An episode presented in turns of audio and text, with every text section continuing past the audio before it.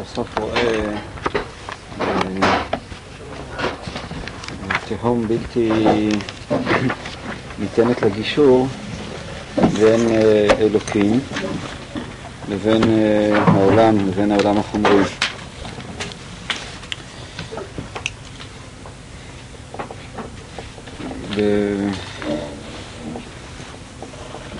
בסוף השיעור אמרנו, רציתי להעיר איזושהי הערה ולשאול שתי שאלות יותר מכוונות לקראת ההמשך ואני אחזור עליהן.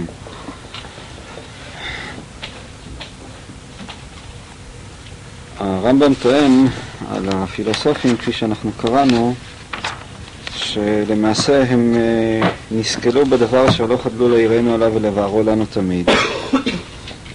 אה, שהם ברחו מלייחס להשם ההזנחה, אומרת, הם לא רצו לייחס לקדוש ברוך הוא את אה, ההזנחה, זה שהוא הזניח את העולם, והחליטו, והחליטו עליו באי ידיעה. זאת אומרת, כתוצאה האי הרצון של הפילוסופים אה, לייחס להשם את ההזנחה, הם החליטו שאיננו יודע את הפרטים, ושכל מה שבעולם הזה השפל נסתר ממנו ואינו משיגו. ואם כן, הטענה של הרמב"ם, שלמעשה הם נכשלו ביותר רע ממה שברחו ממנו. הם, מתוך רצונם להגן על השלמות האלוקית, אז אה, ברחו מלייחס לו כאמור את ההזנחה, ונסכלו, נכשלו אה, באי הידיעה. הרמב"ם עצמו אה, מייחס לבורא יתברך את הידיעה של הפרטים ומבחין, וזאת שאלה שרצינו לדבר עליה, מבחין בין הידיעה שכוללת בתוכה את, את הידיעה של הפרטים לבין ההשגחה שהבורא יתברך כאמור איננו אה, משגיח על הפרטים חוץ מהאדם, כפי שנראה בהמשך. איפה הרב רואה את ההבחנה הזו בין ידיעה להשגחה? כשאתה קורא את פרקי ההשגחה... יש סתירה בנושא הזה. איפה אתה רואה סתירה? אני לא רואה סתירה. אני רואה שביחס להשגחה, אז הרמב"ם, כפי שמתאר את השקפתו, אז הוא מדבר שהשגחה אלוקית, אה, בעמוד שי"ב ואילך, מדבר על ההשגחה האלוקית שהיא השגחת הכללים חוץ מבני אדם. אה, בפרק י"ח גם כן וגם פרק נ"א. לעומת זאת, כשהוא מדבר על הידיעה, בפרק י"ט ואילך, שם הוא אומר, פרק י"ט, כ', שם הוא אומר מפורש שהבורא יתברך יודע גם את הפרטים. מתכוון אה, שייתכן uh, שבית ייפול על uh, יושביו אפילו אדם, uh, במה שאריסטו. כן.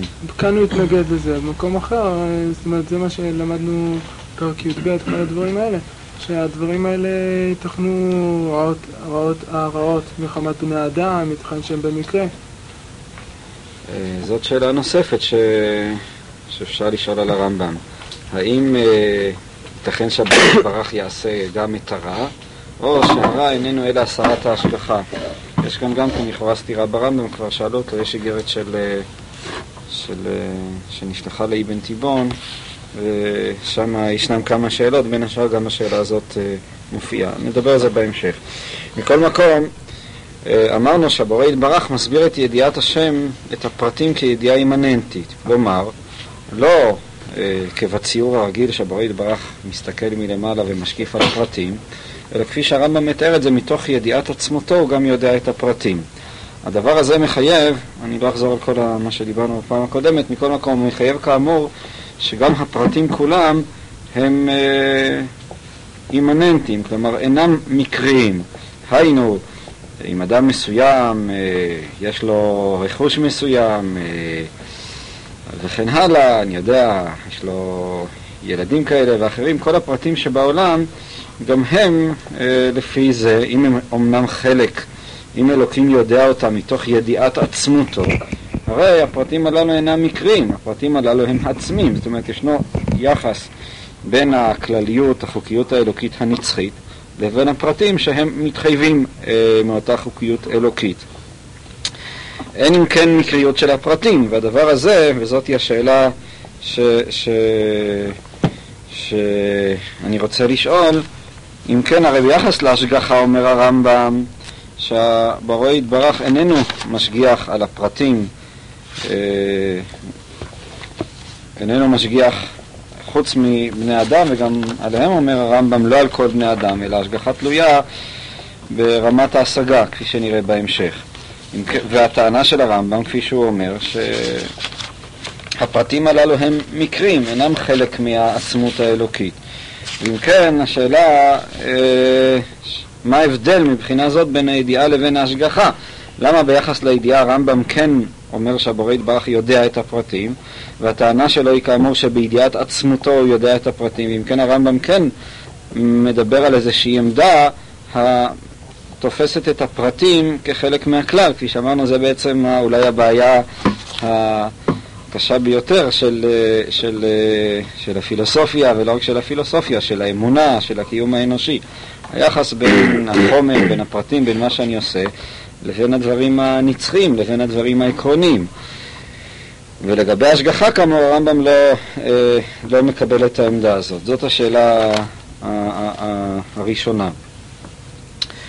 השאלה השנייה היא, מחד הרמב"ם מאשים את הפילוסופים שהם אה, נכשלו אה, בזה שמייחסים לאלוקים את אי היכולת להשגיח. כך הרמב"ם טוען נגדם במשפט שאנחנו, שאנחנו קראנו.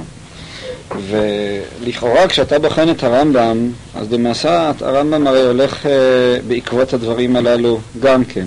הרי הרמב"ם מסכים לצמצם את ההשגחה ביחס לכללים ולא לפרטים, והטענה, אפשר לומר היפה שלו, אם אפשר להתבטא, שביחס לבני אדם, אז כל בן אדם הוא בעצם אה, אה, כלל. כך הוא כותב ב... בעמוד אה, אה, שי"ג. זאת אומרת ש... ש... ש...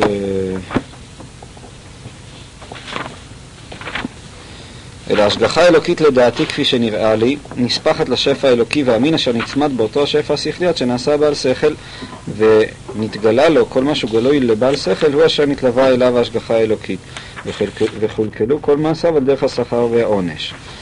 ואז ממשיך הרמב"ם, אה, ואשר הביאני לידיעה זו, כבר עמדנו על, על הקטע הזה. הראייה של הרמב"ם היא העובדה שעל בעלי חיים אין השגחה ורק על בני אדם.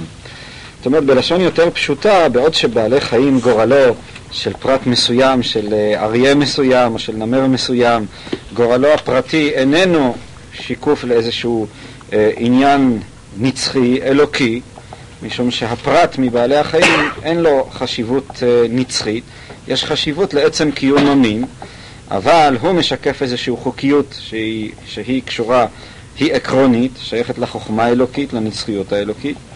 הרי ביחס לבני אדם טוען הרמב"ם, וכפי שנראה בהמשך לא לכל בני אדם, מכל מקום ביחס לבני אדם, באופן כללי, אז uh, במידה שהוא בעל שכל, בעל תודעה, הרי uh, חוקיותו או גורלו הפרטי משקף ומבטא גם כן, או חלק מאותו ממד נצחי, מהחוקיות הנצחית. הדבר הזה, כידוע, חלק מהשיטה הכללית של הרמב"ם, שבמידה שהאדם אה, הוא בעל שכל או בעל תודעה, שהיא גם דבקות אלוקית, בה במידה הוא גם שייך לנצח. בחייו שלו, הפרטים, משתקפת אה, הממד הנצחי, החוקיות הנצחית. יש לו, הייתי מנסח את זה ככה בלשון מודרנית. האדם, לפי הרמב"ם, בעצם מצבו איננו בהכרח שייך אה, לנצחיות. הוא פרטי, הוא מקרי, אבל יש לו יכולת אה, להיות שייך אליה, במידה שמעשיו והשגותיו הם אה, יבטאו ויהיו חלק מאותה אה, נצחיות.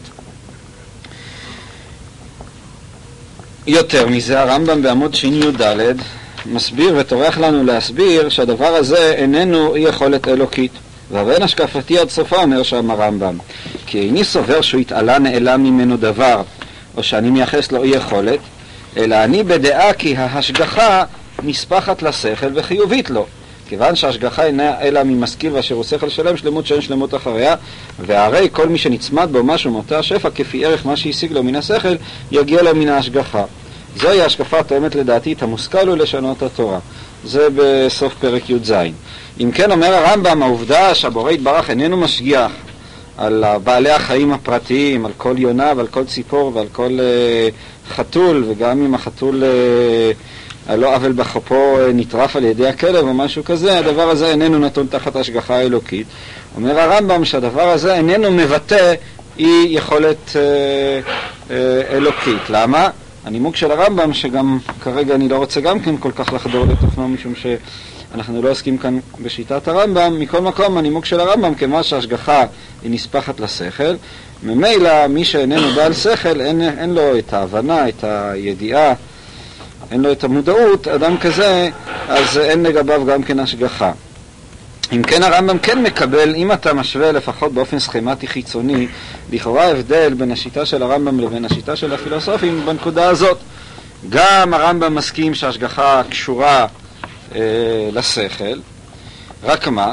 רק שהרמב"ם טוען שהאדם כבעל שכל, או כיצור שיכול להיות לו שכל מכל מקום, ממילא הוא גם כן שייך להשגחה, או בלשון אחרת, יכול האדם, הפרט, להפוך גם כן להיות אה, אה, לכלל. כל פרט ופרט הוא יכול כאמור להיות חלק מהנצח האלוקי, חלק מה, מהכללים. אם אמנם אנחנו כך מציגים את הדברים של הרמב"ם, אז שוב השאלה היא אה, מה, מה ההבדל בין הרמב"ם לבין הפילוסופים? הרי הרמב"ם טוען נגד הפילוסופים שהם נכשלים באי יכולת, אה, בייחוס אי יכולת אה, אה, לאלוקים. הם נסכלו אה, בדבר שהוא רע יותר ממה שהם תמיד מטיפים אליו. כך אמר הרמב"ם. הם נכשלו ביותר רע ממה שברחו ממנו. והרי הרמב"ם עצמו לכאורה בנוי על אותה עמדה עצמה. הרמב"ם עצמו גם כן מסכים לעמדות הבסיסיות. עכשיו, הפילוסופים עצמם גם כן טענו שידיעת הפרטים ביחס לאלוקים היא נמנע מוחלט. אז אמת נכון שהרמב"ם טוען שזה לא נמנע מוחלט ביחס לידיעה, והוא טוען שהבורא יתברך יודע את הפרטים. השאלה היא כמובן מה המקור, מה, מה הצידוק של הטענה הזאת, כפי ששאלנו בשאלה הראשונה, אבל ביחס להשגחה הרמב"ם כן מקבל את הדברים הללו. ביחס להשגחה לכאורה הרמב"ם מחקה את אותו מהלך עצמו, ומה שהפילוסופים אמרו ביחס לידיעה, היינו שהבורא יתברך איננו יכול לדעת את הפרטים, משום שהפרטים הללו אינם משקפים איזה עניין נצחי, אלא הם רק מקרים, ואינם שייכים אם כן למציאות, לעצמות האלוקית, הדבר הזה הרמב"ם לכאורה אומר אותו ביחס להשגחה. אם כן, השאלה שהרמב"ם לכאורה שואל על אי היכולת, אה, ביחס אי היכולת האלוקית, השאלה הזאת היא, היא, היא נכונה גם על הרמב"ם עצמו, ואם הרמב"ם עצמו עונה עליה, ואומנם עונה עליה בסוף פרק י"ז, הוא מתייחס אליה במפורש, כי איני סובר שהוא התעלה נעלם ממנו דבר שאני מייחס לו אי יכולת, והטענה של הרמב"ם שזה לא אי יכולת, אלא זה חלק, אם אמנם ככה אנחנו מפרשים את הרמב"ם, זה חלק כאילו מהמכניזם של ההשגחה האלוקית. אם כן, אז מה, אז מה תלונתו על הפילוסופים? אז זה חלק מהמכניזם של הידיעה האלוקית. מהי נפקא מינה? למה ביחס להשגחה הוא מוכן לקבל את הטענה הזאת של הנמנע המוחלט, וביחס לידיעה, אם שהוא חולק עליה מאיזושהי סיבה שאנחנו לא מבינים אותה, הוא טוען שהפילוסופים נכשלו אה, בדבר שיותר אה, גרוע. מה? כן, הוא טוען שההשגחה על הפרטים היא נמנע מוחלט. אה, למה? משום שההשגחה מתייחסת לשכל, רק טענתו שהאדם איננו פרט. זאת הטענה שהרמב"ם בעצם טוען, שכל אדם במידה שבהשגתו, במודעותו ובמעשיו וכן הלאה ישקף את הנצחיות האלוקית, יש לו לאדם יכולת להיות חלק מהנצח. לא כל אחד הוא כזה. אה, אני מניח שאליבא דרמב"ם אפילו היה אומר שהרוב אינם כאלה, אבל במידה שהאדם אומנם אה, אה, עובד על עצמו, אז הוא כן יכול אה, להיות קשור למוחלט, למוחלט. חייו כן יכולים להיות מוחלטים. ואז המקרים שלו הם בהשגחה. כך אומר הרמב"ם ביחס ל, ל, לצדיק, לחכם, גם בפרקים שלנו, גם פרק נ"א. אבל מכל מקום בן אדם שאיננו כזה, או ביחס ליצורים שאינם בני אדם, לבעלי חיים, כאן הרמב"ם כן טוען שאין עליהם השגחה. ואז השאלה היא בעצם אותה שאלה עצמה. מה?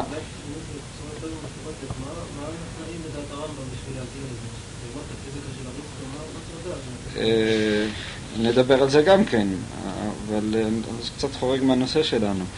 אה, זה לא פיזיקה של אריסטו, זה בסופו של חשבון השגת אלוקות. זה בעצם התנאי העיקרי, כפי שנראה גם בהמשך. לא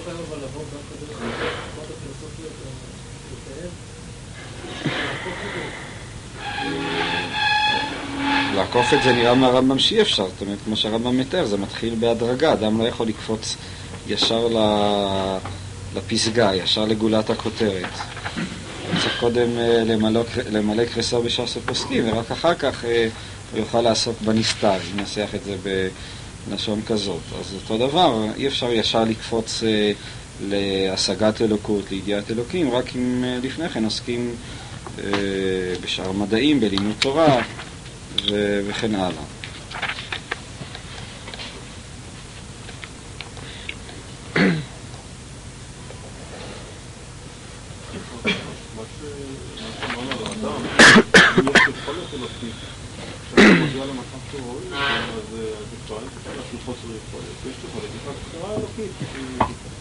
בפרטים מסוימים שהגיעו למצב שקוראים למציאות, אז לטפל בהם, היות וזה קיים לגבי סוג אחד של פרטים, אז אין בעיה של חוסר יכולת, זה הבעיה של בחירה מצד של הרמב"ם לא מציג את זה כבעיה של בחירה, הרמב"ם מדבר על זה במונחים של נמנע מוחלט. על בן אדם ש... ש... ש... נאמר, שמבחינה זו דומה לחיות, לבהמות, אז לא שהקדוש ברוך הוא לא רוצה להשגיח, אלא אם ננסח את זה בצורה חריפה, הוא לא יכול להשגיח. הדבר הזה, כפי שאומר הרמב"ם, איננו חסרון ביכולת האלוקית, משום שזה נמנע מוחלט, כן? זאת אומרת, זה דבר שסותר את עצמו, לא תיתכן השגחה במצב כזה. עצם המושג של ההשגחה לא אפשרי לגבי אה, אה, יצור ש, שאיננו, אם אפשר לבטא את זה, שאיננו קיים. במישור הזה שעליו אנחנו מדברים. זו הטענה שהרמב"ם טוען. השאלה היא אם, אה, הרי גם הפילוסופים מדברים על זה שזה איזה מין נמנע ביחס לקדוש ברוך הוא, כך אה, הרמב"ם עצמו מצטט אותם בפרק ט"ז במון ש"ז. השאלה היא, למה? מה, מה, מה, מה ההבדל? מהי נפקא מינה? למה אי ידיעת הפרטים היא כן חסרון, לעומת זאת אי השגחה על הפרטים היא לא חסרון? אני חושב, ושוב אני אקדים לזה את המאוחר, שגם כאן יש לנו בעצם דוגמה, הייתי אומר, אה, למבט הכפול של הרמב"ם. הרמב"ם אה, אה, מדבר, הייתי אומר, בלשון אחת וחושב בלשון שנייה. מה אני מתכוון לומר? הרצון של הרמב"ם, כפי שאמרתי, הוא בעצם להציג עמדה פילוסופית, שהיא העמדה הפנימית, הנסתרת של התורה, שהיא צריכה אה, אה, אה, לקפל בחובה, לשמור בעצמה את כל מה שנטען, מה שאנחנו קראנו בשיעור הקודם בלשון בני אדם. כלומר, כל הטענות הדתיות, השגרתיות, על הבחירה האנושית, על ההשגחה האלוקית, על המשמעות של הציווי הדתי, של המצווה הדתית, כל אלו הם צריכים להיות, כל הטענות הללו, כל האמונות הללו, הן צריכות להיות, אה, הן צריכות להישמר גם במישור של הטיעון הפילוסופי. אלא מה? אלא שכמובן במישור של הטיעון הפילוסופי, א', הן מקבל, מקבלות אור אחר, הן מקבלות הערה אחרת, הן מקבלות מובן דתי הרבה יותר גבוה, אה, שונה לחלוטין. כמו שהמקובל, אז אותה מצווה שיהודי מקיים אותה בציווי הקדוש ברוך הוא, אצל המקובל היא מקוימת ברמה רוחנית, באופן רוחני, באור רוחני שונה לחלוטין. אף על פי שהאור הזה אה, אסור לו שיפקיע את המובן הפשוט והראשוני של קיום המצוות. זה בעצם, אה, הייתי אומר, צורת המחשבה של הרמב"ם, שבמובן מסוים היא אב טיפוס, אני חושב, לשיטות מחשבה שעוברות, אה, אפשר לומר, בכל תולדות ישראל, דרך המקובלים עד החסידים, שגם כן אתה רואה אותם עובדים בצורה כזאת. עכשיו, כשהרמב"ם מדבר על אי היכולת, הוא מדבר על אי היכולת במישור א', כלומר, במישור הפשוט אתה אומר אלוקים לא יכול. אפילו שברור שהביטוי הזה, אלוקים לא יכול, הוא ביטוי אה, שכשאתה דן עליו במישור הפילוסופי הוא מקבל מובן שונה לחלוטין, אבל כאילו כשאתה מסתכל על התוצאה הדתית הפשוטה, אז הפילוסופים הללו בעצם פספסו כאן מהבחינה הדתית הפשוטה, בזה שהם טוענים שאלוקים לא יודע ממה שבני אדם עושים. כאן יש אי יכולת אלוקית, והדבר הזה הוא חסרון אה, במציאות האלוקית. אה, כשאתה דן על זה, כשזה חסרון במציאות האלוקית, כשאנחנו דנים על הדבר הזה, אז אה, כאן הרמב"ם מדבר ב- בלשון בני אדם. זה שאלוקים לא משגיח על בני אדם, הדבר הזה הוא אי יכולת אלוקית. זה שמישהו יכול לקום על רעהו ולהורגו נפש ואלוקים אה, לא יודע מזה בכלל, אז uh, הדבר הזה הוא חסרון ב, ב, uh, ב, ב, ביכולת האלוקית, במציאות האלוקית. וזו הטענה שהרמב"ם טוען נגד הפילוסופים. לעומת זאת, מאיזושהי סיבה, שהעובדה שאלוקים uh, uh, לא משגיח על זה שמישהו, uh, לא עלינו, uh, נפצע או נהרג בתאונת דרכים, אדם כזה שהוא ברמה אה, של דגי הים ועוף השמיים, הדבר הזה, לפי דעת הרמב"ם, איננו חסרון באי היכולת האלוקית. אין בו פגם או חסרון גם במישור של לשון בני אדם, גם במישור אה, של האמונה הדתית הפשוטה. השאלה היא כמובן איך להגן על הדבר הזה. הרי בעצם מהבחינה הפילוסופית, גם הפילוסופים טוענים שזה נמנע מוחלט, וגם הרמב"ם טוען שזה נמנע מוחלט, כל אחד במישור שלו. אבל מאידך גיסא, העובדה הזאת אה, הרמב"ם, כשהוא בא ואומר שאי ההשגחה היא נמנע מוחלט, העובדה הזאת, אה, לפי דעת הרמב"ם, היא איננה חסרון או איננה אי יכולת ביחס לאלוקים. לעומת זאת, אה, כלומר, והיא, כפי שהרמב"ם אומר, משמרת על כל הטענות, האמונות, הדתיות כפי שהן מנוסחות בלשון בני אדם. לעומת זאת, הטענה הפילוסופית היא כבר למעשה, כבר איננה אה, משמרת על, ה, על, הייתי אומר, על האמונה, על האמונות הדתיות הפשוטות והתמימות כפי שהן מנוסחות בלשון בני אדם. מבחינה חיצונית הדבר הוא פשוט וברור, זאת אומרת, אה, לפחות מהבחינה הדתית הפשוטה. יש הבדל גדול אם אתה אומר אלוקים לא יודע מה שבני אדם עושים, שגישה זאת היא כבר בהכרח גישה חילונית, אה, לפחות במובן הפשוט של הדת. לעומת זאת, לבין גישה שאתה אומר, אלוקים לא יודע מכאלה שבעצם הייתי, אלוקים לא משגיח על כאלה שבעצם אין משמעות לעובדה שהוא ישגיח עליהם. וכאן אולי אני אני חושב עיקר הנקודה של הרמב"ם. זאת אומרת, מה שהרמב"ם בעצם טוען, אבל בזה אני מקדים את המאוחר, שאין למעשה משמעות, הייתי אומר אפילו מוסרית, אה, לאי השגחה על אה, מישהו שאיננו בעל שכל, שאיננו בעל תודעה. זאת אומרת, כמו להבדיל, אה, שוב, הדבר נשמע קצת אכזרי, ו... אבל נעמוד על זה גם כן בהמשך, כמו להבדיל שזה ששוחטים בעל חיים. אז אומר הרמב"ם שהדבר הזה אה, איננו, אין, אתה לא עושה עוול אה, לתרנגול שאתה שוחט אותו. אתה לא עושה לו עוול מוסרי. לפי דעת השריעה נעשה כאן עוול מוסרי בזה שאתה אה, שוחט תרנגול, והתרנגול הזה יקבל על זה איזה, איזה אוילם הבה, לפי השריעה, כן? הרמב"ם טוען שאין כאן שום עוול מוסרי. למה? משום כאן צריך יותר להעמיק בנקודה הזאת, אבל כיוון שהוא איננו בעל שכל, אז ממילא אה, אה, אין, אין, אין, אין כאן עוול בעובדה שאתה עושה לו מה שאתה עושה. אה, הרמב"ם אומר את זה בשי"ג, אבל שאר אישי בעלי החיים הרי המצב בהם כפי שסובר אריסטו בלי ספק ולפיכך נעשית שחיטתם מותרת ואף מצווים עליה והשימוש בהם בכל הצרכים כפי שנרצה. זאת אומרת, הרמב"ם מסיק בין העובדה שמותר לנו לשחוט בעלי חיים אה,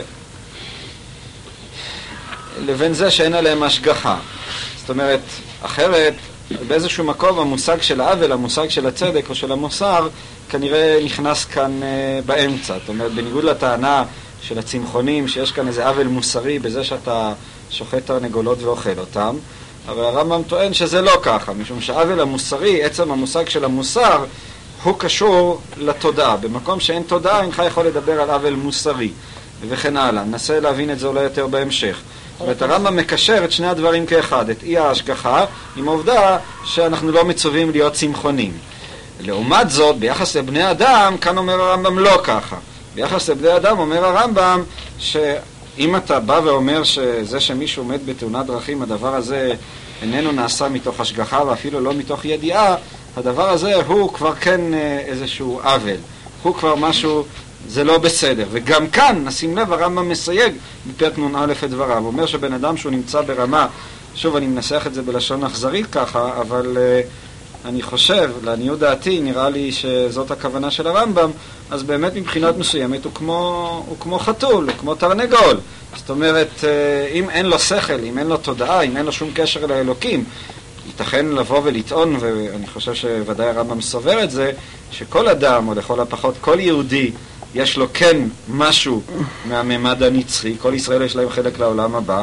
מכל מקום, אה, גם הדבר הזה הוא נתון בדרגות, ובמידה שהוא איננו בעל תודעה, אז בא במידה הוא דומה לתרנגול, ואז אין הבדל, להבדיל בענייני הבדלות בין לשחוט תרנגול לבין האדם הזה שאין עליו השגחה וקורה לו מה שקורה לו. זאת בעצם הטענה של הרמב"ם. ואז ממילא, אני רוצה שנבין לב, ההבדל בין העמדה, הקדמתי בזה קצת את המאוחר, משום שרציתי להדגים את הנקודה שדיברנו, יש הבדל בין אי היכולת במישור, כשהרמב"ם מדבר על אי היכולת, הוא מדבר כאן בלשון בני אדם. יש הבדל בין אי היכולת של אלוקים לדעת את בני אדם, שזה ללא ספק אי יכולת, אה, אה, זה, זה, זה כישלון אה, חמור ביותר. למה? למה? משום שהרי, מה? מאותה סיבה שזה לא משמעותי, אפשר להבין שזה לא משמעותי לדעת את זה. אני מסכים איתך, אבל, אבל, אבל זאת, נקודת המוקד היא, אני, אני חושב שנקודת הוויכוח היא באמת בשאלה הזאת, אם זה לא משמעותי. זאת אומרת, אתה אינך יכול לדעת, אינך יכול לטעון שזה לא משמעותי, שאין כאן, אה, יש כאן רצון אה, לייחס למציאות האלוקית, למושג האלוקי, את השלמות המוחלטת. זה שאלוקים לא יודע בני אדם, זה דבר שהוא ללא ספק, אתה אינך יכול לטעון לגביו שהוא חסר משמעות. לא, לא אה, לעומת זאת. זה שאלוקים לא יודע את הפרטים, או שאיננו יודע בני אדם שאין להם שייכות לשכל, זה דבר שהוא חסר, בעצם הגדרתו, המילה משמעות היא לא, היא לא מתאימה, הייתי משתמש במילה אה, צדק או מוסר. זה כבר לא חסרון מוסרי, כאן אין איזה עוול מוסרי. לא, יוצא ש... חשבון הוא לא מבין. יוצא שלגבי ידיעת הפרטים, התחום של ההשגחה לא חל על הפרטים כי אין להם משמעות מוסרית לפחות. כן. בכל אופן, התחום של הידיעה כן חל עליהם. אני לא באתי של- לענות על השאלה הזאת, שאלתי שתי שאלות.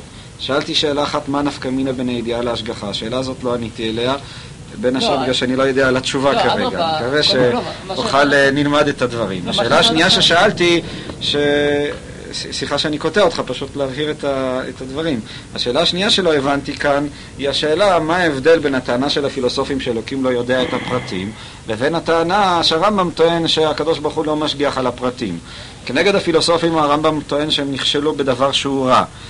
וכנגד עצמו טוען הרמב"ם, מאמין ש- ולהגן על עצמו אומר הרמב"ם, והגן השקפתי הצופה כי איני סובר שהוא התעלה נהנה ממנו דבר שאני מייחס לו אי יכולת. זאת אומרת, ש- שהדבר הזה הוא יכולת, ואז הוא טוען שההשגחה נספחת לשכל וכן הלאה. בעצם במובן מסוים זה חזרה לטענה שהפילוסופים טוענים ביחס לידיעה, אז הרמב"ם חוזר על הטענה הזאת ביחס להשגחה בניסוחים קצת אחרים. אז מה ההבדל בין הרמב"ם לבין הפילוסופים? ההבדל אם כן, שמה שהפילוסופים מייחסים, נקרא לו, למכניזם של הידיעה, הרמב"ם מייחס למכניזם של ההשגחה. זה בעצם לכאורה ההבדל. אבל אם ככה, הדרא קושייה לדוכתא. הטענה שרציתי לטעון, שלמעשה במישור הפילוסופי זה נכון, אלא במישור של לשון בני אדם יש כאן כישלון, יש כאן דבר שהוא רע. זאת אומרת, העובדה שהקדוש ברוך הוא איננו יודע את הפרטים, הוא אה, שאיננו משגיח על הפרטים, על בני אדם, לפחות בני אדם ברמה מסוימת, הדבר הזה הוא כן כישלון. זאת אומרת, זה בעצם אפשר לומר, שוב אם אני אתרגם את זה במונח אקסיסטנציאליסטי, זה שבן אדם אין משמעות לחייו, העובדה הזאת היא בעצם אה, כישלון גרוע ביותר. ב... אצל לשון הראשונים זה בא לידי ביטוי בזה שאלוקים לא יודע, לא יודע ממני, אני אינני שייך מבחינה זאת לנצח. זה כישלון אדיר לפי הרמב"ם.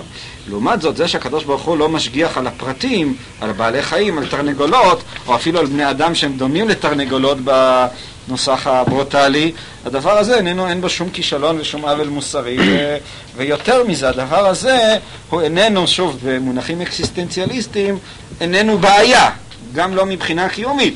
משום שהשאלה בסופו של חשבון איננה השאלה אם חייך בעלי משמעות, אלא אם הם יכולים להיות בעלי משמעות. והרי ברגע שאתה טוען שאדם כן יכול להגיע למישור של ההשגחה, או כן יכול באיזשהו שלב מסוים כתוצאה מעבודתו אה, להסתופף בצילה דמאימנותא, להיות מושגח, אז העובדה הזאת היא בעצם העובדה החשובה, היא העובדה המרכזית. מה? כן, אבל בסופו של חשבון, כפי שתכף נמשיך, גם כשאתה דבק בשכל הפועל, עדיין הפילוסופים לא אומרים שבזה אלוקים משגיח עליך. זאת אומרת, בסופו של חשבון אתה יכול להיות. אה, אה, דבק בשכל הפועל. ולמות בתאונת דרכים. וזהו, מה... כן, זה מעמיד את כל החיים סביב איזה, איזה מין מצב כזה שהוא חסר משמעות. זאת אומרת, אין שום משמעות... אה, מבחינה, אין שום משמעות מבחינה חומרית למה, למה שאתה עושה ולמה, ש, ולמה שקורה לך. לא, מה פירוש? לא. יש בו נצחיות, אבל לחייו אין שום אה, משמעות, אין שום נצחיות. הוא לא מושגח על ידי האלוקים. תכף נציג את העמדה של הפילוסופים, היא איננה אה, פשוטה כל כך, אבל מכל מקום אה, אין משמעות למה שהוא עושה. אין, הוא קם בבוקר ואין משמעות למה שהוא עושה, לפחות לא במובן הממשי, במובן המטריאלי. הוא יכול אה, להיות פילוסוף גדול מאוד, ובכל זאת, אה, כמו שאמרתי, במקרה למות מתאונת דרכים, וזהו, ולא... ואין לזה טעם, וזה בלי השגחה, וזה חסר משמעות, וזה שום דבר. וזה עוול. זה עוול, עוול מוסרי, זאת אומרת האדם הוא מופקר אה, לעולם, האדם, בעצם העולם זה לא משנה, גם לפי הרמב"ם, האדם הוא מופקר לעוול המוסרי, לרע, למקריות. והדבר הזה, חוסר התבוניות של, של העולם, הפרדוקסליות שלו, העוולה שבו, זה הוא חיסרון. שוב, כשאני דן על הדברים מבחינה האקסיסטנציאליסטית הפשוטה. השאלה שאתה שואל היא, היא, אני מוכן לקבל אותה, וגם איתה נצטרך להתמודד. שהרי כפי שהזכרנו בזמנו את מה שהרמב"ם אומר ביחס לאיוב, ובעמוד שכ"ו, ששם הרמב"ם אומר שאם איוב היה באמת דבק באלוקים, אז uh, אבל כאשר ידיעה בפרק כ"ג, כאשר ידע את השם ידיעה אמיתית, הודה שהעושר האמיתי שהוא ידיעת השם נצור לכל מי שידעו, ולא יאחירו על האדם שום איסורים מכל האיסורים הללו. אלא שהיה איוב מדמה כי מיני עושר המדומים הללו הם התכלית. אם כן, אז הרמב"ם כן מציג איזושהי עמדה שבעצם תפקידה אה, לייחס חוסר משמעות למה שקורה לאדם בעולם. מי שיודע שהעושר האמיתי הוא ידיעת השם, אז ממילא לא אכפת, לא, אין לו נפקא מינה מה שקורה לו. אה, מה שלא יקרה לו, זה לא יכול לפגוע בו, משום שהעושר האמיתי הוא ידיעת השם יתברך, כך אומר הרמב"ם. זו, זו כבר עמדה שהיא לכאורה גם כן סותרת את מה שאנחנו לומדים כאן. מה לפי זה הגדרה של אם שההשגחה פרטית, ששינוי לאדם מה שצריך לו? יש ודאי, אדם שהוא דבק, לפי מה שאנחנו לומדים כאן בפרקי השגחה, אז אדם שהוא דבק בקדוש ברוך הוא, אז יש עליו השגחה פרטית. דהיינו, אדם כזה לא יכול שתקרה לו תאונת דרכים במקרה, אין דבר כזה. אדם שאיננו דבק באלוקים יכול להיות דבר כזה. זאת העמדה, והסיבה שהרמב"ם אומר, משום שיש כאן ייחוס של אי יכולת לאלוקים. משום שבכל זאת הרמב"ם מייחס משמעות אה, לעולם, גם לעולם החומרי, אה, כפי שהוא קיים אצל אה, הדבק, כפי שהוא קיים אצל החכם, אצל הצדיק. מאידך גיסא, שם ביחס לאיוב הרמב"ם אומר דברים אחרים. שם ביחס לאיוב הרמב"ם אומר ש, שמי שבאמת דבק בקדוש ברוך הוא, אז אה, אין, אין נפקא מינה לגביו ומה שקורה לעולם. לא הבנתי איזה, איזה שאלה נפתרה על ידי ההבחנה בין לשון בן אדם לבין הרמת פילוסופים. איך נפתרה? השאלה שנפתרה היא השאלה אה, למה ייחוס אי ידיעה לפרטים הוא כן מהווה פגם וחסרון, ולעומת זאת אה, ייחוס של אי השגחה לפרטים לא מהווה פגם וחסרון ביכולת האלוקית. זאת הייתה השאלה. התשובה הייתה שהיכולת שעליה אנחנו מדברים... כלומר, זה מה ההבדל בין אידיאל להשגחה, השאלה הזאת. לא. ההבדל בין האידיאל להשגחה היא... יש כאן שאלה במישור הפילוסופי. למה ידיעה לפרטים הרמב"ם כן מייחס, וזאת על יסוד ההנחה שהפרטים כן קשורים לעצמות האלוקית. שיש להם משמעות. שיש להם משמעות. לעומת זאת, ביחס להשגחה, אומר הרמב"ם, אין השגחה על הפרטים, משום שהפרטים הם פרטים, הם מקרים, הם אינם קשורים לשכל, וממילא הם, הם לא יכולים להיות מושגחים. זאת, זאת הייתה שאלה, אה, שאלה אחת. השאלה הזאת, זאת הייתה השאלה. השאלה ש... אותה שאלה בשני... מה? זאת הייתה... מה? לא, זאת אותה שאלה בשני ניסוחים, אני לא רואה את זה בשתי השאלות. זאת לא אותה שאלה בשני ניסוחים. השאלה האחת היא מה ההבדל בין הידיעה שלגבי הרמב"ם כן מכליל בה את הפרטים לבין ההשגחה. השאלה השנייה, מה ההבדל בין הטענה של הפילוסופים שעליה הרמב"ם טוען, היינו אי ידיעת הפרטים מהווה אה, אי יכולת ביחס לקדוש ברוך הוא, אה, זה חסרון בחוק האלוקי, לבין ההשגחה שהאי ההשגחה לפרטים איננה חסרון בחוק האלוקי. כן, אבל השורש של השאלה זה אם יש משמעות לפרטים או לא, זאת אותה שאלה, לא? זאת לא אותה שאלה, זאת אומרת, יכול להיות שהשאלות הללו יצטלבו באיזשהו מקום, אבל זה שתי שאלות נפרדות. כאן אתה אומר, זה שאלוקים לא יודע את הפרטים, זה לא, אה, זה דבר חסר יכולת. וכאן אתה אומר, זה שאלוקים לא משגיח על הפרטים, זה לא חוסר יכולת. זאת שאלה אחת שהיא דנה מבחינת היכולת האלוקית. לעומת זאת, שם השאלה היא שאלה אחרת, האם הפרטים שייכים לעצמות האלוקית או אינם שייכים לעצמות האלוקית. אני מסכים איתך ששתי השאלות הן יכולות, אה, אה, אפשר לכרוך אותן אחת בשנייה, אבל הן לא בהכרח קשורות אחת לשנייה. והראיה, התשובה שאני רוצה לענות. אני אומר שכשהרמב"ם מדבר על היכולת, הוא לא מדבר על היכולת מהבחינה הפילוסופית, שהרי לגבי שניהם ישנה את התשובה של הנמנע המוחלט, הוא מדבר על היכולת בלשון בני אדם. זאת אומרת, העובדה שיש כאן אי יכולת אלוקית, זה חסרון כשאתה אומר שאלוקים לא יודע את הפרטים. שבן אדם יכול למות בתאונת דרכים וסתם ככה, זה חסרון בחוק האלוקי. זה חסרון לא במישור הפילוסופי, אלא זה חסרון במישור הדתי של הדברים. לעומת זאת, אה,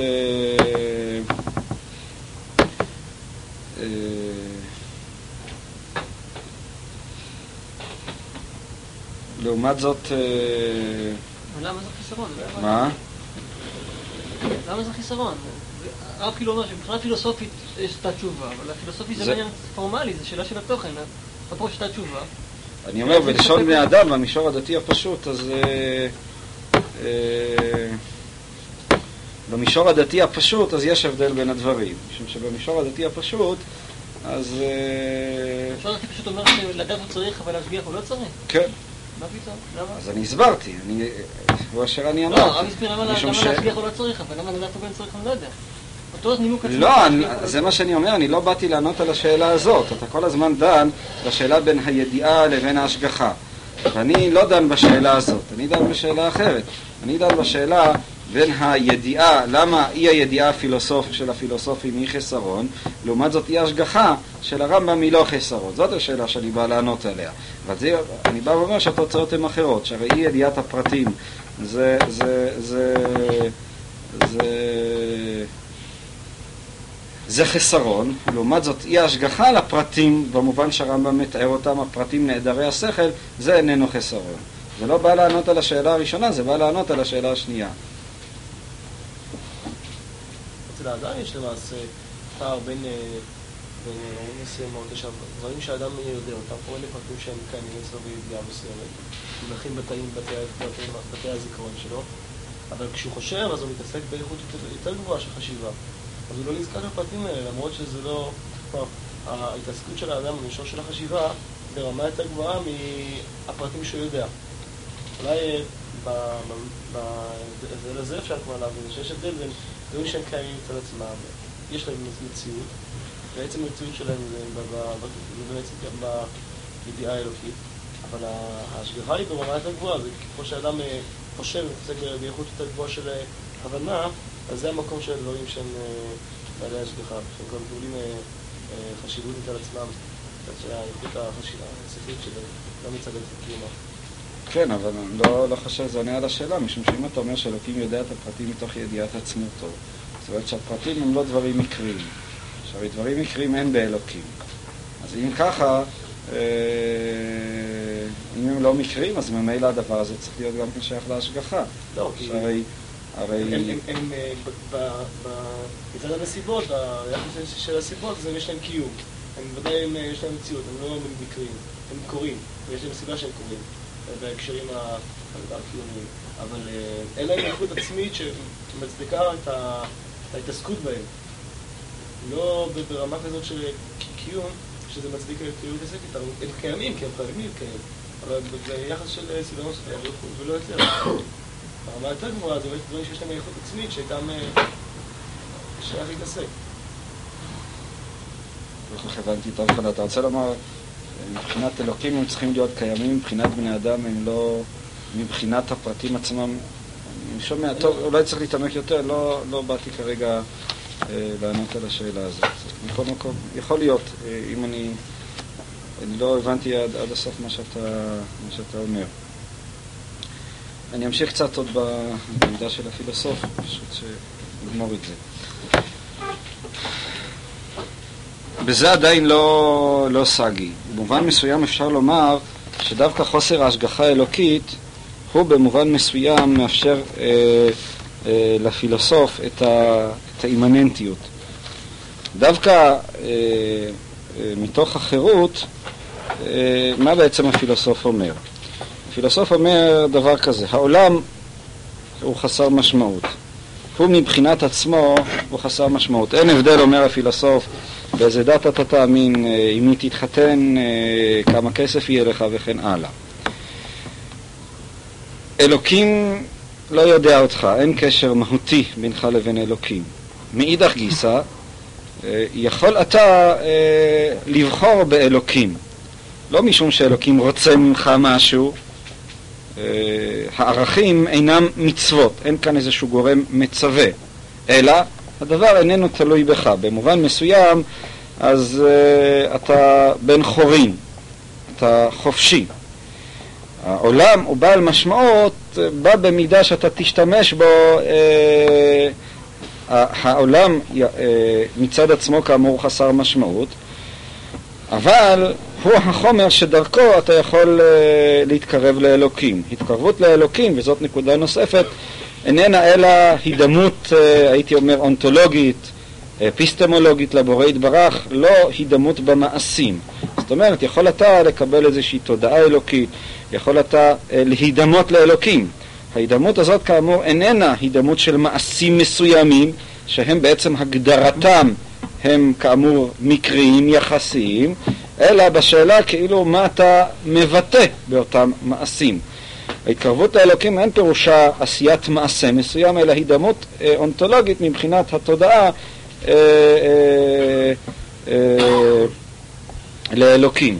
במובן מסוים אפשר לומר שהעמדה הזאת של הפילוסוף, מה שמאפשר לפילוסוף, ולכן אני רוצה להציג את הפילוסוף בעצם אה, כאבי עמדה חילונית, זאת אומרת חילונית, לא חילונית בנאלית, לא חילונית וולגרית, לא חילונית חומרנית, אלא בדיוק ההפך.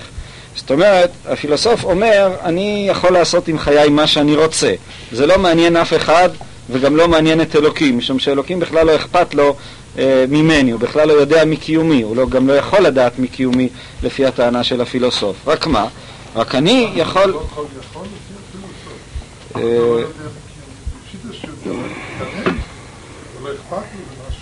הטענה של הפילוסוף זה מה שדיברנו ב... אה, לפני שהגעת, לא רק שהוא לא יודע, אלא הוא גם לא יכול לדעת. למה הוא לא יכול לדעת? משום שאני בעצם הווייתי יצור מקרי, יצור חסר משמעות. אלוקים, יש לו קשר רק, אה, האלוקים אצל הפילוסוף הוא בעצם הנצח. הוא אותו דבר שהוא מוחלט, שהוא קיים מבחינת עצמו, שאיננו מקרי. עכשיו, אה, ממילא הוא איננו יכול לדעת את הפרטים, את המקרים שהם מעצם הגדרתם חסרי משמעות, חסרי תוכן. לכן אלוקים לא יכול לדעת מפלוני אלמוני שחי בזמן מסוים, בעולם מסוים וכן הלאה. הוא לא יכול לדעת, גם הוא לא רוצה לדעת, זה גם לא מעניין אותו אם ננסח את זה ככה, זה לא משנה לו. משום שהאדם מעצם הגדרתו איננו משנה, אם ננסח את זה ככה. רק מה? אתה יכול מבחינת עצמך אה, כן אה, להפוך את עצמך לבעל משמעות. איך אתה הופך את עצמך לבעל משמעות? בזה שאתה אה, מדמה לאלוקים. ההידמות... שהוא לא מעוניין בך, אבל במובן מסוים דווקא העובדה שהוא לא מעוניין בי, דווקא העובדה הזאת היא למעשה מאפשרת לפילוסוף את אותה חירות שהיא גם מאפשרת אותו אה, אה, להביא את עצמו לאימננטיות. זאת אומרת, ניתן להשוות את העמדה של הפילוסוף לשיטות מודרניות. אבל יש בכל זאת הבדל ביניהם בולט. ההבדל בין הפילוסוף הקלאסי, כפי שהרמב"ם מביא אותו כאן, והכוזרי בתחילת דבריו, לבין הפילוסופים המודרניים, שהפילוסופים הקלאסיים כן מאמינים באלוקים. אבל אלוקים יש לו רק, הייתי אומר, הוא רק איזה ערך אה, רגולטיבי, רק ערך מכוון, הוא יוצר היררכיה. אלוקים הוא המוחלט. לא שהוא יודע ממך, לא שהוא חושב עליך וכן הלאה, אבל הוא בעצם מעמיד איזה סולם, איזה מבנה. הוא המוחלט, הוא הנצחי. אתה יכול להידמות לאלוקים, בזה אתה יכול גם להפוך להיות חלק ממנו, להידבק בשכל הפועל. אבל... לא לא. אם אני נדבק בו, זאת אומרת שאני לא מעוניין בי, כמו שהוא לא מעוניין בי, אז איך אני נדבק בו? הוא לא רוצה אותי, אז מה אני צריך להידבק בו? משום שכשמדובר על נדבק השני... בו, זאת אומרת שאני לא רוצה את עצמי, אז נשארנו בניהיליזם. זה מה שנשארנו. אה, אה, משום שהבי שאתה מדבר עליו, יש כאן שני, שני בים, אם ננסח את זה ככה, שני עניים. האני הפרטי, זה שקיים בעולם, אה, שפועל בעולם, הוא באמת אני שאני לא מעוניין בו, זאת אומרת, הוא חסר מקריות, הוא מעיק עליי, משום שהוא אה, הוא, הוא מקרי, הוא חסר משמעות. זה שאני קם בבוקר ועושה דברים מסוימים, כל הדבר הזה הוא בעצם חסר משמעות לחלוטין. יש לי יכולת להגיע לאיזשהו ממד נצחי. הממד הנצחי אין לו ולא כלום עם הממד הפרטי, עם הממד היומיומי. הממד היומיומי הוא חסר משמעות. אותו ממד אני בעצם רוצה לדחות אותו. כל עניינו בזה שהוא יכול להוות איזשהו חומר אה, שדרכו אני יוכל, יוכל להגיח אה, האני האלוקי של האדם, אם ננסח את זה ככה, שהוא נדבק באלוקים. עכשיו, אבל אין לו שום עניין לאותו אני אלוקי לחיים הפרטיים, בדיוק כמו שאיוב, כפי שקראנו לפני כמה דקות ברמב"ם, אם היה מבין את האמת, אז לא היה מייחס שום ערך וחשיבות לאיסורים שלו. משום שבאמת האיסורים הם חסרי משמעות, הם חסרי טעם, הם חסרי תוכן. טוב, אני מסכים אני מציג את העמדה של הפילוסוף, זה שזה כואב אני... הפילוסופיה מודע לזה שזה כואב. איוב כואב, צעק מכיוון שכאב לו, כמו שמביאים. זה הסיפור. רק ביידיש אומרים את זה, אתה אומר. שומעים את זה מהסיפור שם עם פרעה, למה הוא שתק, זה הסיפור הזה המפורסם. למה הוא נענש משהו שתק. כן. שם עם פרעה ויתרו, זה סיפור מדרשי, שישבו שם שלושתם, אז יתרו ברח, ובלעם ואיוב, נכון? שלושת אלה. אז שואלים מה הוא יכול להועיל נגד פרעה? אז זה סטוט בי שרייפמן, זה הדבר המפורסם ש... בסדר, אבל זה לא ביידיש. נכון. אלא אם כן תטעה שכתבו את המדרש ביידיש, מה? אה, בסדר, לא, אני לא בא להתווכח איתך, אני רק אה, מציג את העמדה של הפילוסוף. זה- לא מדבר על מתאים, אבל יש נגיד מחשבות מסוימות, או תכנים מסוימים, פילוסופיים. בסדר, זה חוזר שוב לשאלה העקרונית, מה היחס בין אלוקים לבין, אה, לבין העולם. מאידך יש כאן איזה ניתוק תהומי, מצד שני זה בלתי אפשרי. אני אביא למשל דוגמה של המהר"ל שבזמנו למדנו אותו. המהר"ל בנתיב התורה, הז- הזכרנו את הקטע הזה כבר מספר פעמים, על אלו ואלו דברי אלוקים חיים. אז גם המהר"ל מדבר על זה שאלוקים הוא האמת המוחלטת היחידה. ויותר מזה, כאמת מוחלטת יחידה איננו אמת אה, חומרי, איננה אמת בעלת מושאיות מסוימת. מאידך גיסא, וכל אמת אחרת היא אמת מצד, אמת יחסית. מה בכל זאת ההבדל בין המהר"ל לבין הפילוסוף הרגיל? ההבדל בין המהר"ל לבין הפילוסוף הרגיל, שהמהר"ל מייחס חשיבות גם לאמת מצד, כחלק, כמתקרבת לאמת המוחלטת.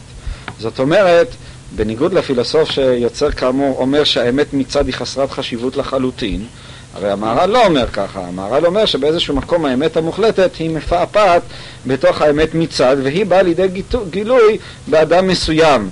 המוחלטיות מתגלה ביחסיות של החיים של אדם מסוים. בחיי אני יכול לבטא את המוחלטיות באופן יחסי, אם אפשר לבטא את זה ככה. וזה פירושו אלו ואלו דברי אלוקים חיים. זאת אומרת, האמת של המוזיקאי היא אמת, האמת של הבעל גמילות חסדים היא אמת. האמת המוחלטת מתגלה אצל כל אחד ואחד לפי נתוני חייו, לפי איך שהוא נולד וכן הלאה, אבל היא אמת, אותה אמת. זה המהר"ל. אז המהר"ל מציב כאן, אומר שבחייך אתה, אתה יכול בכל זאת לחיות את אלוקים. נכון שאיך שתחיה את אלוקים זה דבר יחסי, אבל העובדה היא שתחיה אותו. אבל תחיה אותו באופן הקונקרטי, משום שזאת היא האמת בעולם היחסי שלך. לעומת זאת, הפילוסוף לא אומר ככה, הפילוסוף אומר, לא, אין שום דבר אמיתי, האמת מצד היא לא אמת בכלל, היא חסרת אמת, היא לא כלום, היא מקרית. אלא מה? אלא יש לה איזו תכונה שדרכה אתה יכול להגיע לאמת המופשטת, אבל האמת המופשטת היא, היא האמת, אין אמת אחרת. כמובן שזה מעמיד צרור של שאלות נכבדות, גם מהבחינה הזאת שעליה אנחנו מדברים. מה בכל זאת היחס? העובדה שאתה אומר שדרך חומר מסוים אני יכול לשקף או להתקרב לאלוקים, זה בכל זאת, האם זה אומר שיש משהו בחומר, או שאולי דרך כל חומר שהוא אפשר לעשות את הדבר הזה. דהיינו, הרי בכל זאת הפילוסוף, אה, יש לו איזו התנהגות אתית מסוימת. זאת אומרת, זה לא נכון לבוא ולומר שכל דבר ודבר, האלוקים לגביו יש לו ערך כאמור מכוון למעשים. ואז השאלה אם ככה אתה כבר לא מנתק באופן מוחלט בין המעשים, בין הדברים הפרטיים לבין אלוקים. זו השאלה ש, שללא ספק אה, אני חושב שהפילוסוף נקלע בה לסתירה במובן מסוים. אה, זאת אותה שאלה, שוב, של התארים, של היחס בין אלוקים לבין העולם, של התארים השליליים. אם התארים הם שליליים, בכל זאת בתארים השליליים יש משהו אלוקי, זה כאילו אותו ממד. זו אותה שאלה שהיא השאלה הבסיסית שחוזרת ונשנית על עצמה בכל הדברים, היחס בין אלוקים המוחלט לבין העולם. היחס בין ה... האם בסופי יכול להיות גם איזשהו ממד אינסופי. אם הם מנותקים לחלוטין, אז אם כן אין שום משמעות למה שאתה עושה, אבל מצד שני, הם לא יכולים להיות מנותקים לחלוטין. זה, הייתי אומר, הפרדוקס ש, שבעצם הקיום האנושי, מה שרב נחמן אמר באותה תורה שאנחנו הזכרנו אותה, תורה ס"ד, הסתירה שיש בין הממלא לבין הסובב. זה פרדוקס שהוא לא ניתן לפתרון, לפי מה שאומר שם רב נחמן, משום שזה מונח בעצם היסוד של המציאות של העולם. מצד אחד העולם הוא אלוקי, מצד שני הוא לא אלוקים. אז כאן אנחנו חושפים למעשה כל מיני שיטות שכולן בעצם מתמודדות בווריאציות שונות עם uh, אותו דבר עצמו. איך... מה רצית להעיר? מה? לא, אני מרגיש כאן שיש כאן שתי שאלות שונות. השאלה האם החומר יכול להיות חומר לאלוקות, היא לא בהכרח קשורה אם דווקא חומר מסוים יכול להיות... נגיד אפילו אצל המהר"ל, על עניין של אמת מצד, המהר"ל לא אומר שיש אמת מסוימת שהיא בהכרח לא אמת מצד, באמת, באמת, יש תוכן מסוים שהוא בהכרח לא אמת מצד, ותוכן אחר שהוא בהכרח כן אמת מצד. אלא אני דווקא מרגיש יותר את הכיוון הזה, שכל תוכן יכול להיות אמת מצד המהר"ל במפורש לא אומר כדבריך, הוא מבחין גם בממד של השקר, זאת אומרת, יש אמת מצד ויש שקר. נכון, אבל השקר והאמת מצד זה יהיה הבדל אונתולוגי, זה לא הבדל של תוכן, שכאילו יש... אני מסכים איתך. אבל אצל הפילוסוף אין דבר כזה של אמת מצד, הכל הוא שקר, אלא שהוא יכול באיזשהו מקום להוות חומר לאמת. אני לא מבין, זה עצמו, שהוא יכול להוות חומר לאמת, הוא יכול לא להוות חומר לאמת, הוא יגדיר את זה כאמת או שקר. בסדר, אבל אז זה לא נותן משמעות לחומר, זה נותן משמעות לשימוש שאתה עושה בחומר. נכון, זאת אומרת, זה שימוש של חירות, זה המהר"ל לא יסכים לזה. לא, לא בקטע הזה אני לא בטוח שזה לא אומר... זה בטוח שלא, משום שהמהר"ל מדבר בכל זאת על מצוות, על מעשים מסוימים שאדם מצווה לעשות אותם, בעוד שהפילוסוף לא מדבר עליהם. הפילוסוף לא יאמר שיש עליך מצווה מסוימת, הוא יאמר שהשאלה מה אתה מתכוון לעשות באותו דבר. עקרונית, כל דבר יכול להוות. רק מה? רק ישנם דברים שדרכם אתה לא יכול ללכת. ולהתכוון בהם כוונה מסוימת. זה מה שהפילוסוף אומר. כמובן שייתכן שלמעשה לא תהיה נפקא מינא לדינה, אבל מכל מקום אה, זה בכל זאת יוצר אה, הבדל גדול. המהר"ל אומר את דבריו על מחלוקות, שאלו ואלו דברי אלוקים חיים, והוא אומר שהדבר והיפוכו, שניהם יש בהם אמת מצד. בקטע הזה לפחות הוא בעמדה השנייה. יכול להיות שזה שהוא אחר כך מדרג בין בית הלל לבית שמאי, זה הצד השני של המטבע, אבל בעצם הקביעה שיש אמת מצד, הוא הולך דווקא בכיוון הזה, שגם דבר וגם ההפך שלו יכול להיות אמת מצד. זאת אומרת, זה לא משהו עצמי בדבר עצמו שהוא קובע אותו מראש. אני לא מסכים איתך. זה משהו שנתון ברצון האלוקי, וזה כן דבר עצמי במובן הזה שאלוקים רצה שככה תהיה האמת באדם מסוים, וככה היא תהיה באדם אחרת. וזה הבדל עצום בין אם אתה אומר, אלוקים לא רצה והוא לא יכול לרצות, משום שמעצם הגדרת הדברים הם לא יכולים להיות כאלה. זו עמדה שונה, מבחינת היחס לחיים ולמציאות זאת עמדה שונה לחלוטין. זאת אומרת, במובן מסוים, הפילוסוף לא אכפת לו להמיר את דתו, כן? אצל המהר"ל חס וחלילה, לא יכול אה, אדם שממיר את דתו, אז uh, הוא בזה עושה עוול עצום ונוראי. Uh, זה ברור שיש כאן עמדות uh, שונות לחלוטין, ואולי בנקודה המוחלטת שלהם עדיין ההבדל לא כל כך מתבלט, אבל אחר כך כשהן יורדות לחיים, ואף פעם הן לא קיימות בצורה הטהורה, אז ההבדלים הם הבדלים uh, עצומים ונוראיים. אני אנסה, אסיים ב, בעצם בנקודה אחת.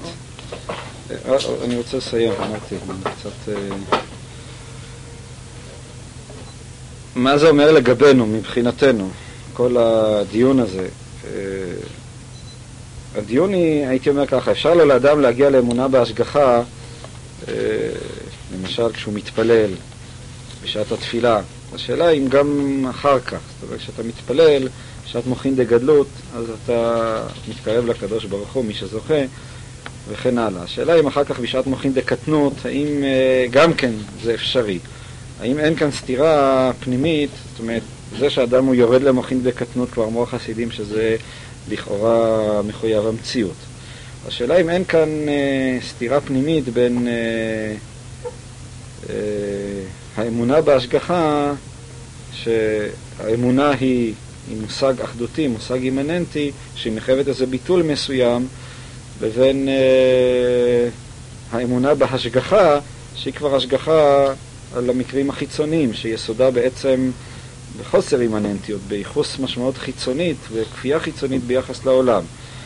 העולם הוא כאילו מעצם הגדרתו, יש בו איזה צד של כפייתיות מסוימת. אז בלשון יותר פשוטה, בשביל להאמין אתה חייב כאילו לבטל את העולם. אבל ההשגחה, כל עניינה הוא בזה שאתה לא מבטל את העולם, אתה אומר אלוקים משגיח על העולם. כלומר ההשגחה, הייתי אומר, המקור שלה בספירת המלכות, שהיא דווקא הספירה כאילו הלא רוחנית של העולם. וזה בעצם, כמו שאמרתי, אולי הבעיה העיקרית, שהיא הבעיה שאנחנו מתמודדים איתה, אפשר לומר, מתמודד, צריכים מכל מקום להתמודד איתה כל יום, שעה-שעה.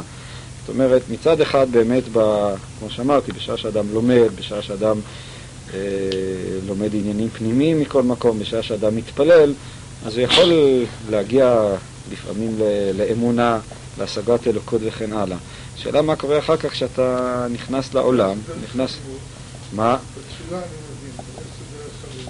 מה שאנחנו עכשיו לומדים, אה, למשל, יכול להיות בדברים לימודים יותר פנימיים. אז אתה לא שואל על לימוד, אתה שואל על לימוד דף גמרא.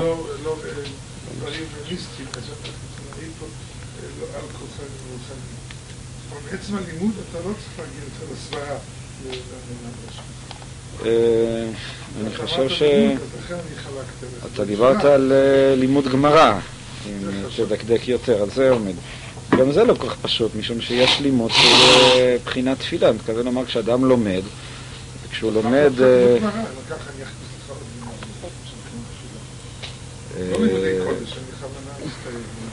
א', אלא אם כן תכניס דברים מאגיים בדברים, דברים שיש כאן אמונה, שעל ידי, שכמו שכתוב בספרים, שעל ידי דף גמרא אני מתקרב לאלוקים וכו'. מבחינה לוגית לא תוכל.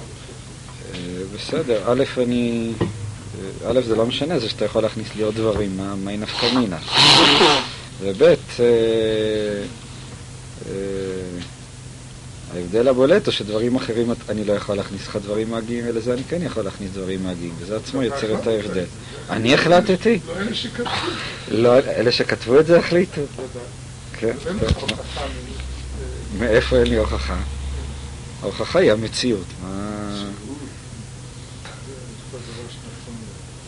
מתכוון לומר, אם אתה תאמין למה שאני אומר, אז אני אהיה צודק. אם אתה לא מוכן להאמין למה שאני אומר...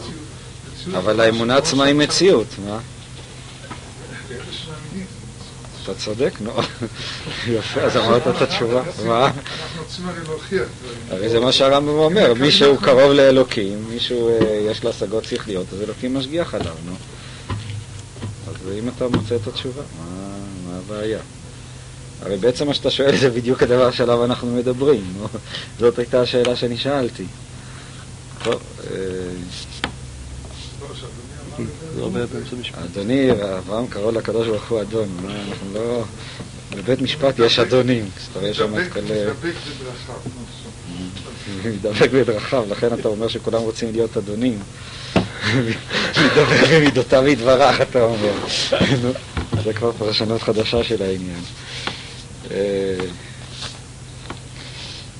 טוב, מה שאתה שואל הרי זה בדיוק הדבר שדיברנו עליו מקודם. אתה מנסה למצוא באופן לא אימננטי את האמונה. כלומר, תוכיח לי שאומנם זה ככה. ואני אומר לך, וזאת השאלה, לכאורה כל עניינה של האמונה שהיא איננה מוכחת באופן לא אימננטי, אלא באופן אימננטי. והשאלה אם אין כאן סתירה בין שתי התפיסות הללו כאחד, שהרי לכאורה השגחה, לא לכאורה. ההשגחה בעצם הגדרתה היא מחייבת השגחה על מציאות חיצונית, היא על מציאות לא אימננטית. האמונה בעצם הגדרתה מחייבת אימננטיות. האם אתה יכול להאמין בלי לבטל את העולם? ואם אתה מבטל את העולם, אז איזה מקום יש אה, להשגחה? אין, אין משהו שעליו אתה משגיח. אבל כל הרצון שלנו להאמין הוא בעצם להאמין בעולם. כלומר, מי שרוצה להאמין זה לא האדם העליון, שהוא ממילא, כן, דבק בקדוש ברוך הוא ולא אכפת לו מה קורה. כשלא אכפת לי מה קורה לי במציאות, אז באמת מה נפקא מינה להשגחה? אם, איוב היה, אז מה זה, אם, איוב, אם, אם באמת איוב לא אכפת לו מהאיסורים שלו, אז מה הוא צריך את ההשגחה? אז לא אכפת לו מהאיסורים שלו. אבל ההשגחה היא כמו שאתה אמרת, זה כואב.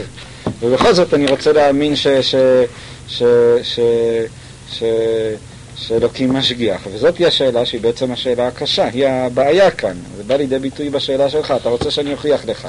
אני אומר לך, לא, תאמין, האמונה היא ההוכחה, אבל אתה אומר, אם האמונה היא ההוכחה, שוב אני לא צריך הוכחה, אבל אני רוצה דווקא להאמין במישור שבו כן יש את ההוכחה, כלומר, לא לבטל את העולם, להיות באופן לא אימננטי, ומצד שני כן להאמין.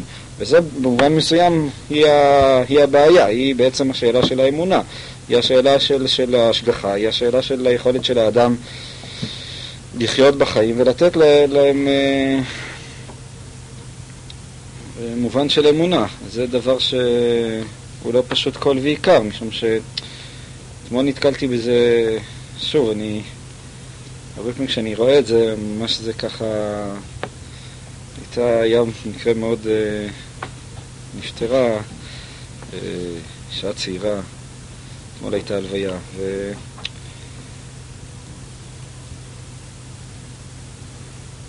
ואנשים דתיים הם תמיד אנשים ש... ובצדק מקבלים עליהם את הדין, מצדיקים את הדין. השאלה היא באיזה מובן זה קיים, זאת אומרת, אה, באיזה מישור אדם מצדיק עליו את הדין, זאת אומרת... אה,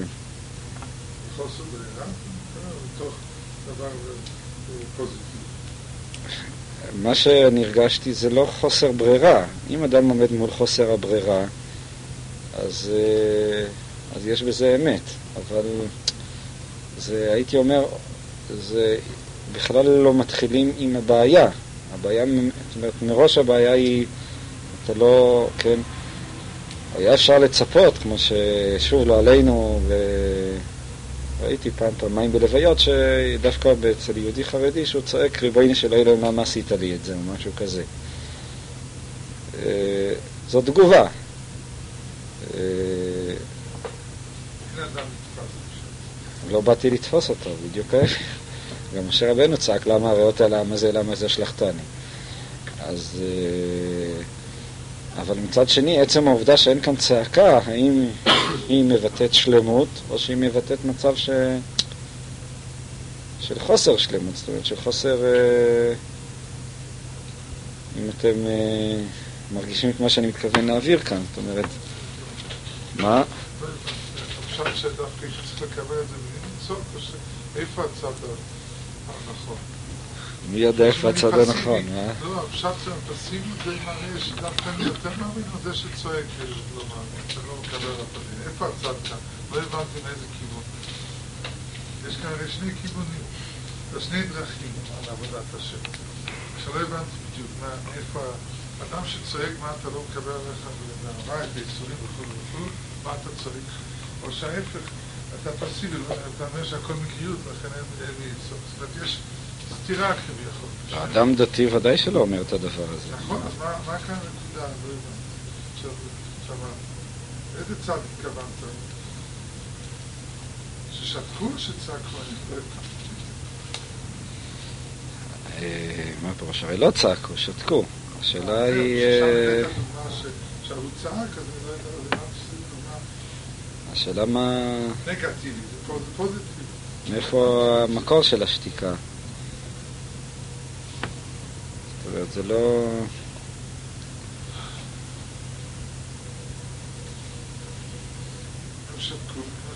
שכל דבר שקדוש ברוך הוא עושה כל מה דוד נחמן אתה, לא נסביר את זה ככה. מה האפשרות השנייה? מה האפשרות השנייה של השתיקה? יש שתיקה של קבלת איסורים באהבה. לא, האפשרות השנייה. זאת האפשרות השנייה, נו. מה זה במה למה האפשרויות? אפשרות אחת פסיבית שהכל מקרי. לא, אפשרות כזאת היא לא קיימת לאדם אה, מאמין. האפשרות- מה האפשרות השלילית שהרב... אה,